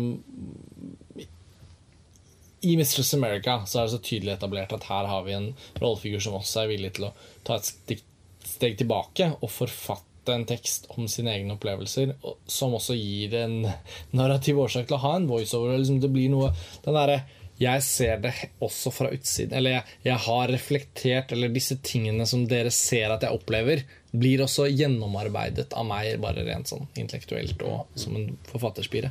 Um, så kan man si om Pust er en sånn type film hvor, hvor det liksom ikke er Det er ikke noe det er ikke noe meta eller noe sånn fortellerelement som gir oss muligheten til å ta et steg tilbake. Det er ingen som ser tilbake på fortellingen, det er ingen som ser forut for fortellingen. Det er ikke noen flashbacks på sånn. Den har sånn ren 'dette er det som skjer'-aktig na naturalitet. da. Og, og ut av det så kommer jo også effekten av at hvis man skal sammenligne de to filmene, da, så er jo Pust også sånn at nå går denne rollefiguren til det skritt hvor dette skjer. Konsekvensen av det blir at dette skjer. Så skjer det, og så må dere på en måte bare være med på den reisen. Og så kan jeg si at jeg er enig i at filmen hadde kanskje tjent på å ha en enda mer sofistikert og genial måte å bearbeide reisen til rollefigurene enn den, eh, det som foregår i, historien. Men Mistress America er på en måte lagt opp helt annen, på en annen måte. Vi vet at Tracy er i et er liksom sånn, sånn gryende forfatterskap, i hvert fall som novelleforfatter. Da. Ja, ja. Og, og at hennes blikk på hva hun går gjennom, er en del av gleden vår til å være med på det hun går gjennom. Så det, det, det er litt mer sånn andre narrative valg, rett og slett. Så er det det ene gir en annen kvalitet, og det andre gir en annen kvalitet. Men, det, men, men jeg tror du var inne på noe veldig sant der i stad. Sorry, bare dette med ambisjoner, da. Greta Gerwig og Bambak har sagt vi skal sikte sånn, dette manuset er sånn, og det er det her vi skal få til. liksom og, og Melanie Laurent og mannsfatter, eh, som hun antageligvis har jobbet sammen med, tror jeg Jeg mener jeg husker at det var flere kreditert der. Men uansett, Melanie Laurent som en filmskaper har på en måte sagt at det er den fortellingen her jeg skal gjøre. Jeg skal gjøre det på denne måten. Dette er det jeg ønsker å gjennomføre. Og, og ambisjonene er for så vidt høye nok innenfor det. Men de er ikke liksom Når vi først har den sammenligningen i luften, da, så er det ikke enda høyere, eh, kan man si, enn det de får Nei. til. Ja. og, den, Og det gjør det bare at den er, ikke, den er ikke på det nivået, men det betyr ikke at den er mislykket heller. Nei, definitivt ikke. Den er svært vellykket. Altså, Den er veldig vellykket, eh, som vi jo har nå sittet og, og, og redegjort for. Så er den jo veldig vellykket eh, innenfor hva den forsøker å være for noe. Og det er en, eh, definitivt en film eh, jeg ville forsøkt å, å få sett. Helst på kino, selvfølgelig. Men også eventuelt bare skaff den på video og, se den på DVD eller Blu-ray. Det er eh, helt, helt klart, uh, syns jeg, en av de en av filmene i høst som det virkelig er verdt å oppsøke. Og det er jo også da den siste filmen vi skal snakke om. Nettopp. Eh, Babadook av Jennifer Kent. Den, en faktisk debutfilm. Ja, det er en debutfilm. Eh, vi trodde jo, det skal jo sies at vi hadde lenge en slags følelse at ja, at Pust til Melanie, Melanie og Laurent Altså, er det Det var ikke debutfilm altså, sånn, Er ikke det en debutfilm? Så var det jo ikke det. Og, og jeg husket jo også at, at, hun, at hun hadde laget en film eh, tidligere som, som ingen av oss har sett. Men Babadook er jo da faktisk en debutfilm, og en virkelig imponerende en som sådan. En ting jeg føler er ofte relevant å, å, å sette side om side, er at uh, debutfilmer er en fascinerende kategori. Men gjennom, det er det. Men gjennombruddsfilmer er jo ofte på en måte vel så fascinerende å kikke nærmere på. Hvilken film er det som gjør at en filmskaper får sitt definitive gjennombrudd, og gjør at man legger merke til dem? Og da kan man si at Melanie Laurent har fått sitt gjennombrudd som regissør med Pust. Eh, kortfilmen var for så vidt i gullpalmekonkurranse, men den første spillefilmen er på en måte helt den har på en måte ikke rep representert noe gjennombrudd. Uh, Jennifer Kent, uh, den australske regissøren som debuterer med The Babadook, har både fått sin debut og sitt gjennombrudd med filmen. Men utover det så føler jeg liksom ikke at The Babadook er ikke like lett å trekke inn som en parallell til Mistress America og Pust. Så der tenker jeg det er mer naturlig bare å gjøre et hopp og si nå skal vi snakke om en helt annen film. Fordi uh, dette er jo en klokkeren sjangerfilm, en horrorfilm, som jeg har altså vegret meg for å se så lenge. Og at jeg i det hele tatt har sett den, som gjør at jeg kan være med og snakke om den, eh, ja, det er et slags mirakel i seg selv. Eh, Ja, fordi som mange av de faste lytterne våre kanskje kjenner til, så er jo, Ah, nei, er jo, er jo Karsten litt reservert uh, overfor uh, Det er ingen problem med å være ærlig på det. Jeg synes jo at når, når, når skrekkfilmer er på sitt beste, så er de på sitt verste for meg. For desto bedre de er, desto skumlere og jævligere blir opplevelsen. Og, og du hadde jo varslet at Babadook det var et helvete å komme seg gjennom. Men av en eller annen grunn så, så ble jeg med på å se den. Og det, Ja, ble ditt, det ble ditt andre gjennomsyn, og mitt første. Ja, for det er en genuint uh, ubehagelig film nettopp fordi at den eh, Den klarer å forankre skrekken i i virkelige mennesker. Altså, Babadook forteller om eh, en mor og hennes barn, hennes sønn, som kanskje er Altså, han er i barneskolealder. Kanskje han er sånn seks, syv, åtte år gammel. Som har problemer med temperamentet sitt, og som har eh, Som er veldig voldelig, og som har veldig mye sinne inni seg, og som hele tiden gir uttrykk for det. Både overfor henne og dessverre også da overfor de andre barna og lærerne på skolen. Som er rett og slett et problembarn. Altså dette barn, At de, at de i det hele tatt er barn i fortellingen, og at det er en horrorfilm, gjorde det enda verre for meg. For jeg Ja, tenker sånn, Desto er mer barn Desto mer barn du setter inn i horrorfilm altså sånn, The Shining er det oh. grunn, grunnleggende eksempelet. Omen Jeg har aldri sett, selvfølgelig. Fordi jeg så... Nei. Og så er det mitt største filmatiske hull. Da, selvfølgelig sånn. Eksorsisten Nei, Nei, altså, den eh, vet jeg at Rosemary's Baby. ja.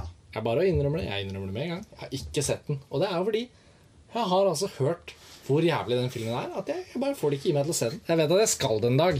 Det er jo en polanske film, og det er ikke bare en polanske film. Det er en en av de mest berømte grøsserne noensinne.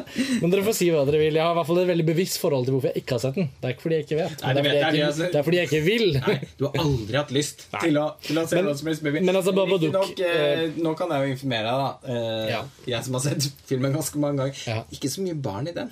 Nei. På tross av denne babyen. jeg, forbinder, jeg forbinder den bare med noen skumle babygreier. Eh, men ok, det skal ikke handle om det. Og, Nei, men og altså som sagt, ja, men jeg har ingen, jeg, har ingen eh, jeg tar jo initiativ til å bare legge dette på bordet. Grunnen til at jeg synes det er viktig å bare ha med, er at det er gøy å kunne snakke om en horrorfilm som jeg har sett på Filmfrelst. Men en av mine på en måte, hva skal man si personlighetstrekk som en filmseer, er jo da at jeg går til horrorfilmer med en genuin gru. Jeg syns ikke det er noe gøy. Jeg håper det blir en jævlig bra film, for jeg er alltid glad i bra filmer. Men altså selve sjangeren appellerer ikke så veldig til meg. Nei.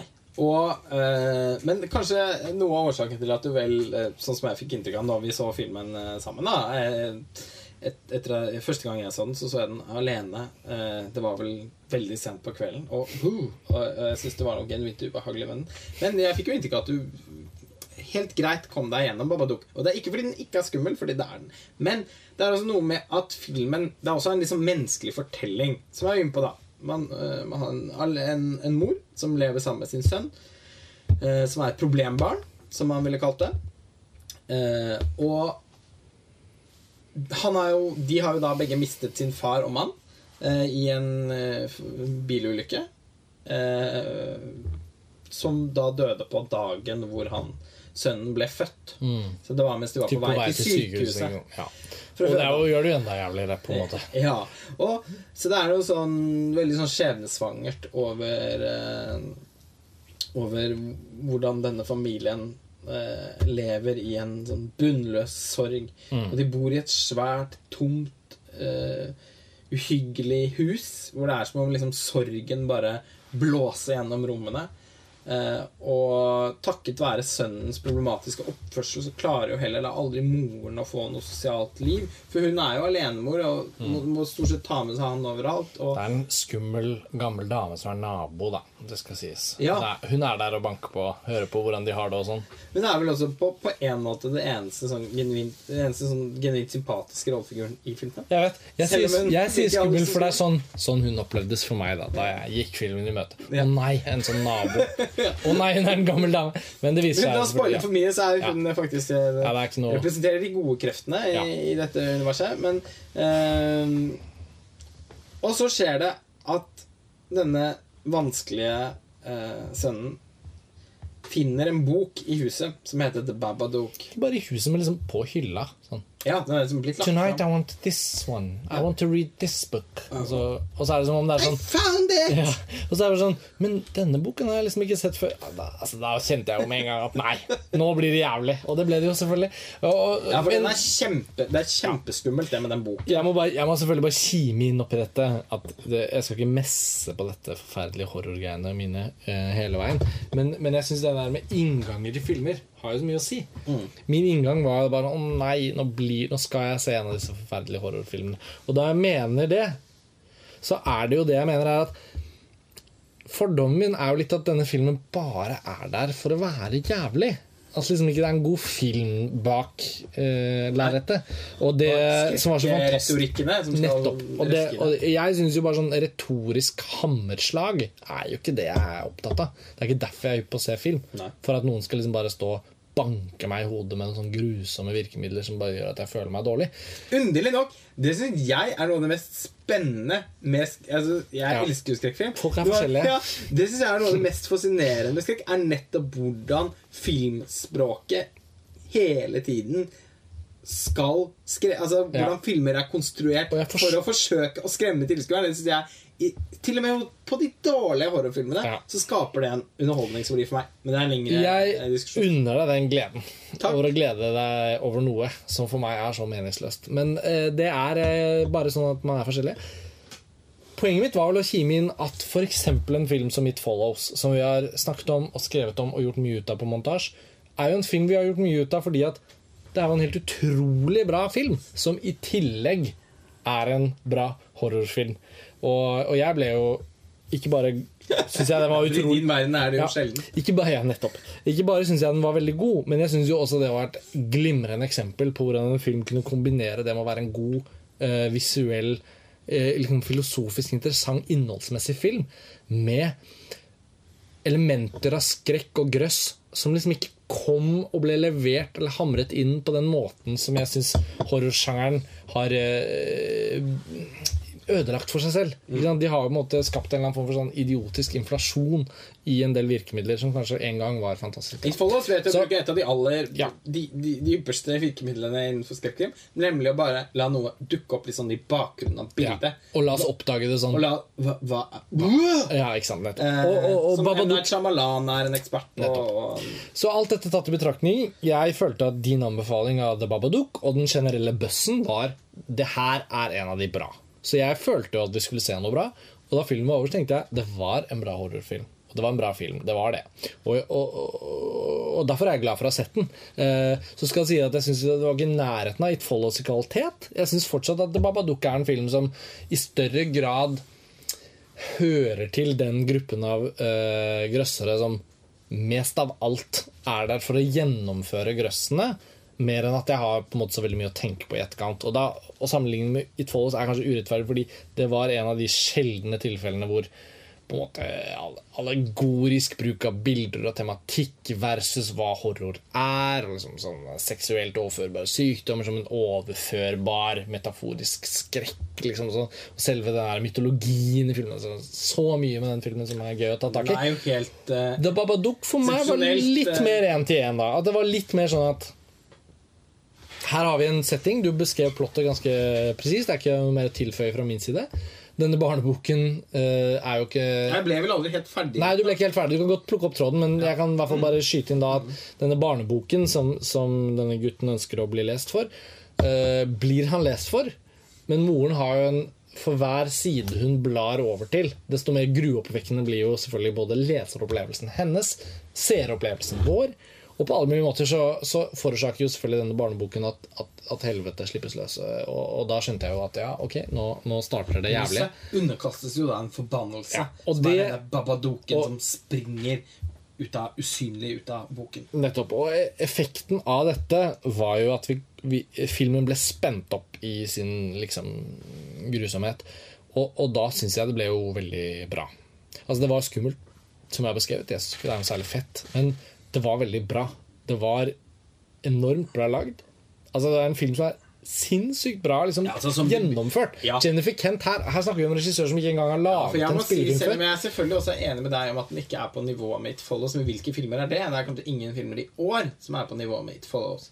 Uh, Nei, det var det jeg mente. Det var på en måte i hermetegn en urettferdig sammenligning. Men så er det litt sånn ja ja, la oss sammenligne med det Ja, beste det se, og se hva den Det skal jo sies at Babadook med med sine 98 tror jeg det er på Rotten Tomatoes osv. Ja, det, er, altså, det er så, faktisk er såpass kritikerrost, det. Ja da. Intenst kritikerrost.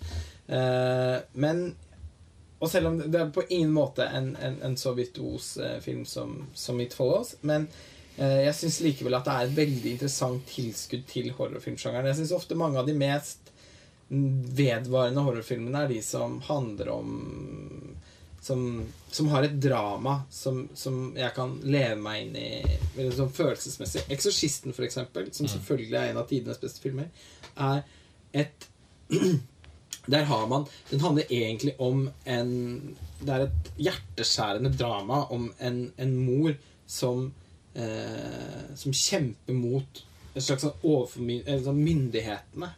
Eh, som, som ikke vil forstå at datteren hennes er syk, og at hun trenger hjelp, og at de trenger hjelp for å håndtere en situasjon som de ikke kan forstå noen ting av. Det er en situasjon som veldig mange i, i ethvert samfunn er i.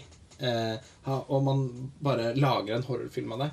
For, nesten for å sette det på spissen. Man får følelsen av at filmen egentlig handler om noe ganske annet. Eh, det samme er det med The Babadook, syns jeg. At det er en film om sorg. Eh, og Babadooken representerer jo fraværet av Av eh, Av eh, En farsfigur, altså, for. En farsfigur for Mm. sønnen, og en, en mann for, eh, for, en kvinne, for hun moren. Og eh, et sånt fravær og en, og, og en, en sånn sorg kan jo etter hvert altså Hvis man ikke lærer seg å håndtere sorgen, så kan jo den fullstendig overmanne en og, og rett og slett spise opp livet, da. Og For. Babadokken er jo en metafor på eh, På at hun ikke har klart Hun som mor da har jo ikke klart å etterlate den sorgen. Hun blir jo også konfrontert med det i, tidlig i filmen av venninner og av søsteren sin. Og sånn, nå må du snart liksom forsøke å bevege deg videre. For det er fravær av sorgbehandling som også ligger som et sånn teppe over filmen. eh, Det er jo det som igangsetter Babadukken. Babadukken ja. er, selv om den for oss som tilskuere, når den dukker fram, er veldig Konkretisert, reell. ja. og forferdelig skummel. Eh, altså lyden av ba, ba, ba, duk, duk, duk, som visler bak Det er ikonisk. Ja, og forferdelig skummelt, faktisk. Og den er så godt, filmen er så godt regissert. En Jennifer Kent en totalkontroll på formspråket. Hvordan du skal mane fram disse uh, uhyggelige stemningene. Sjokkeffektene, til og med. Jeg må jo si at jeg syns Som debutfilm så syns jeg den er voldsomt imponerende. Morsomt at jeg klarte å lese meg opp til. For jeg tenkte faktisk når jeg så filmen jeg ser, Faen, altså! Når jeg så den, jeg tror jeg til og med sa det til deg på telefonen. Eller når jeg hadde sett den. Jeg synes Det er sånn, det, er, det var noe sånn liksom Lars von Trier nesten over den. Ja. Og morsomt nok så jeg klarer å lese meg opp til i etterkant at hun Jennifer Kent visstnok så 'Dancer in the Dark' av Lars von Trier da, for mange år siden og syntes det var en sånn helt sånn omkalfatrende filmopplevelse. Oppsøkte Lars von Trier og sørget for å delta på sånn kurs. Som han tydelig høres veldig unaturlig for Lars von Trier å avholde noe sånt. Lage filmkurs. Men han hadde i hvert fall klart å komme seg inn, eh, møtt han og, og vært på et seminar da eh, med han. Og Det høres det var veldig bra ut. Ja, og det var visstnok veldig vesentlig for, eh, for, for henne. Er Jennifer. Kent er jo australsk, og filmen er jo tatt opp i Australia. Bare for å skyte inn det at det kan høres ut som det er en amerikansk film, men det er faktisk en australsk film. Det er det. Eh, Det ligger litt i det navnet. Babadook. Det høres ut som sånn- Ja, det, det høres australsk ut. Men, eh, og, men det er noe med intensiteten i det psykologiske dramaet. Særlig sånn moren, da, som, som har en sånn Lars von Trier-kvalitet over seg, syns jeg. Hun spiller vanvittig bra. Eh, Easy Davis er det vel hun heter? Hun, Ja. Essie Davis. Hun har vært med i noen av Matrix-filmene som en av de uh, som jobber på skipet til Morpheus, hvis ikke jeg husker feil. Eller skipet til hun Nebuchadnezzar? Ja, eller skipet til hun eh, andre. Hva heter hun? Hun kona til Will Smith. Um, ja, Jamie Pinkett Smith? Ja, det er sånn Det er andre skipet i de oppfølgerne. Ja, ja, der, ja. Jeg bare så et, jeg googla henne etter at vi hadde sett Babadook. Tenkte, faen, Hun har jo vært med i noe før. Jeg følte jeg hadde sett henne. Ja, Matrix-oppfølgerne. Det er jo nesten litt obskurt. Hun fikk kanskje ikke så mye spill på deg. Eh, Jeg har jo uforglemmelige minner om henne fra Men dette er jo, Matrix må jo være gjennombruddet hennes som skuespiller. Ja, og hun er altså så vanvittig god. Ja. Og det er hans sønn også. Han er kanskje ikke en, egentlig en fantastisk barneskuespiller, men Nei, han er godt enormt godt kastet. ja, Altså, han er ser sånn så fri Velg riktig barn. Oh, han, Ja. Altså, jeg eh, Man kan bli helt kvalm av bare å se på han Ja. Så ufyselig han er. Før, han etter, før man etter hvert Filmen er også veldig interessant, synes jeg, i måten den endrer sympatistrukturen på. Nettopp. yes. Måten man, eh, man må innta liksom to forskjellige blikk. Til å begynne med så er man følger man 100% hun Amelia, som hun heter. da Ja, moren. Ja. Eh, Hun virker jo som hovedpersonen, og vi har sinnssykt sympati ja. for henne. Og så plutselig så bare krysser det seg på en måte Altså Så, så er det som at eh, hennes fortelling og sønnens fortelling, som åpenbart er der parallelt hele tiden, Mm. plutselig bare krysser hverandre, og så følger vi sønnen isteden. Så i den andre halvdelen av filmen så er det på en måte hans blikk vi inntar. Mm. Og uten å avsløre for mye, for det er jo litt viktig når det er snakk om horrorfilm. Det er veldig kjipt å få spoilet for mye. Men det er altså et skifte i skrekk her. Ja. På det nåværende tidspunkt så føler jeg ikke vi har spoilet noen ting Nei, det det som former filmen. Bare sånn Vi kan ha god samvittighet så langt, og så skal vi ikke ødelegge det. Nei. Men eh, på et eller annet tidspunkt i hvert fall så er det litt som at skrekken som, som, som absolutt fyller det med veldig mye ubehag eh, ganske lenge, plutselig tar en litt, altså, tar en litt annen form. Eh, men det, det kan vi faktisk ikke fortelle mer om. Uansett, så filmen sånn totalt sett handler om mestringen av, eh, av sorg. Og, og har, en har en slutt, blant annet, syns jeg, som som virkelig Den er noe liksom, mer- det, det er en prikk over i-en for ja, for den er noe mer enn en Nei, eh, men den blir det, det gjør at filmen vokser litt ut av seg selv. Ja, jeg la, jeg, jeg la litt mine sånn kon, sjangerkonvensjonsskeptisisme, da. Den la jeg litt på bordet her i starten. Og, og, og jeg føler at Babadook bringes i havn uten å bli rammet av min verste skepsis. For å si det på den måten. Jeg syns den er sånn at jeg tenker Ja, det var en god film, det. Den, den, får den, den får den fortellingen liksom brakt i havn på en handler, måte som, ja, det, som er riktig. er, den er veldig effektiv som horrorfilm. Den handler om noe. Den er Mm. virkelig godt spilt. Den er imponerende som et debutarbeid. Den er også en veldig sånn kondensert film. Den varer i litt, bare litt over 90 minutter. Mm, Kjempe sånn, presist, godt fortalt. Ikke kjedelig ett sekund. Nei. Og jeg syns også noen av visualiseringene i filmen strengt tatt er ganske originale. Setter man opp mot en film som f.eks. Crimson Peak, da, som også er kinoaktuell i disse Mm. Halloween-dager. Mm. som er så uh, genuint mislykket som horrorfilm. Eh, selv om filmen selvfølgelig har noen andre kvaliteter. Mm. Eh, også mange svakheter eh, ellers også. Men eh, så, så syns jeg Babadook eh, er en, en, en, en, en skrekkfilm som, som virkelig skiller seg ut, og som, og som fortjener et publikum. Og som jeg også tror kan gå et bredt publikum i møte. Absolutt, på en måte. Nå, nå får den premiere på norske kinoer eh, fredag 30. oktober. Det er jo Perfekt, tenker jeg. timet til halloween, og, og ja, den har ingen kjente stjerner. Den er i utgangspunktet en australsk produksjon. Ja, den har vært på video en stund, og man kan se den på iTunes og sånn. Men det er ikke det dette man alltid ber om, da. Tilskuerne som sier at men 'Jeg får aldri kommet meg på kino, hvorfor er den ikke på video on demand?' Vel, her er et glimrende eksempel. Den, den kan ses på iTunes eh, hvis man vil. Du bare leid den. Den er tilgjengelig der nå. Du kan få kjøpt den på DVD lett fra alle mulige forskjellige steder.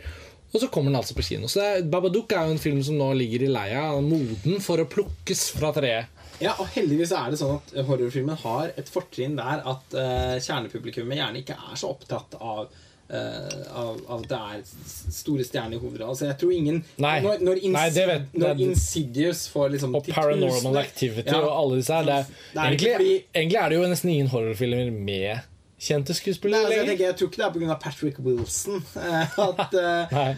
uh, Insidious, går uh, eh, og Conjuring og se disse filmene. Insidious og så videre. Så uh, forhåpentligvis så kan uh, The Babadook med riktig promotering, med nettopp ved å være spesifikt tilknyttet halloween, Mm. lykkes med å få publikum inn i salen. Når det er sagt, så er det ikke bare det man tenker på som målgruppen til, til, den, til skrekkfilm. Nei. Gjerne tenkt på som, som ungdommer og uh, unge voksne. Eh, dette er en film som jeg tror veldig, veldig mange vil ha utbytte av. Mm. Særlig alenemødre. Nei da. Det var eh, Som spøk. alenemor med litt sånn vanskeligstilt barn, så Ja. burde du gå og se Babadook. Det er en film om deg. Det kan så være sånn en trøstende Ok, vi eh, får runde av. Dette ble en podkast som ble Ja, mye lenger fikk- enn jeg tror vi hadde sett for oss. På en måte, men vi, vi, vi siktet, om å, siktet på å få snakket om disse tre filmene, og det følte jeg vi fikk gjort. Um, oppsummeringsmessig så vil jeg bare si det jeg syns det er viktig å si hver gang.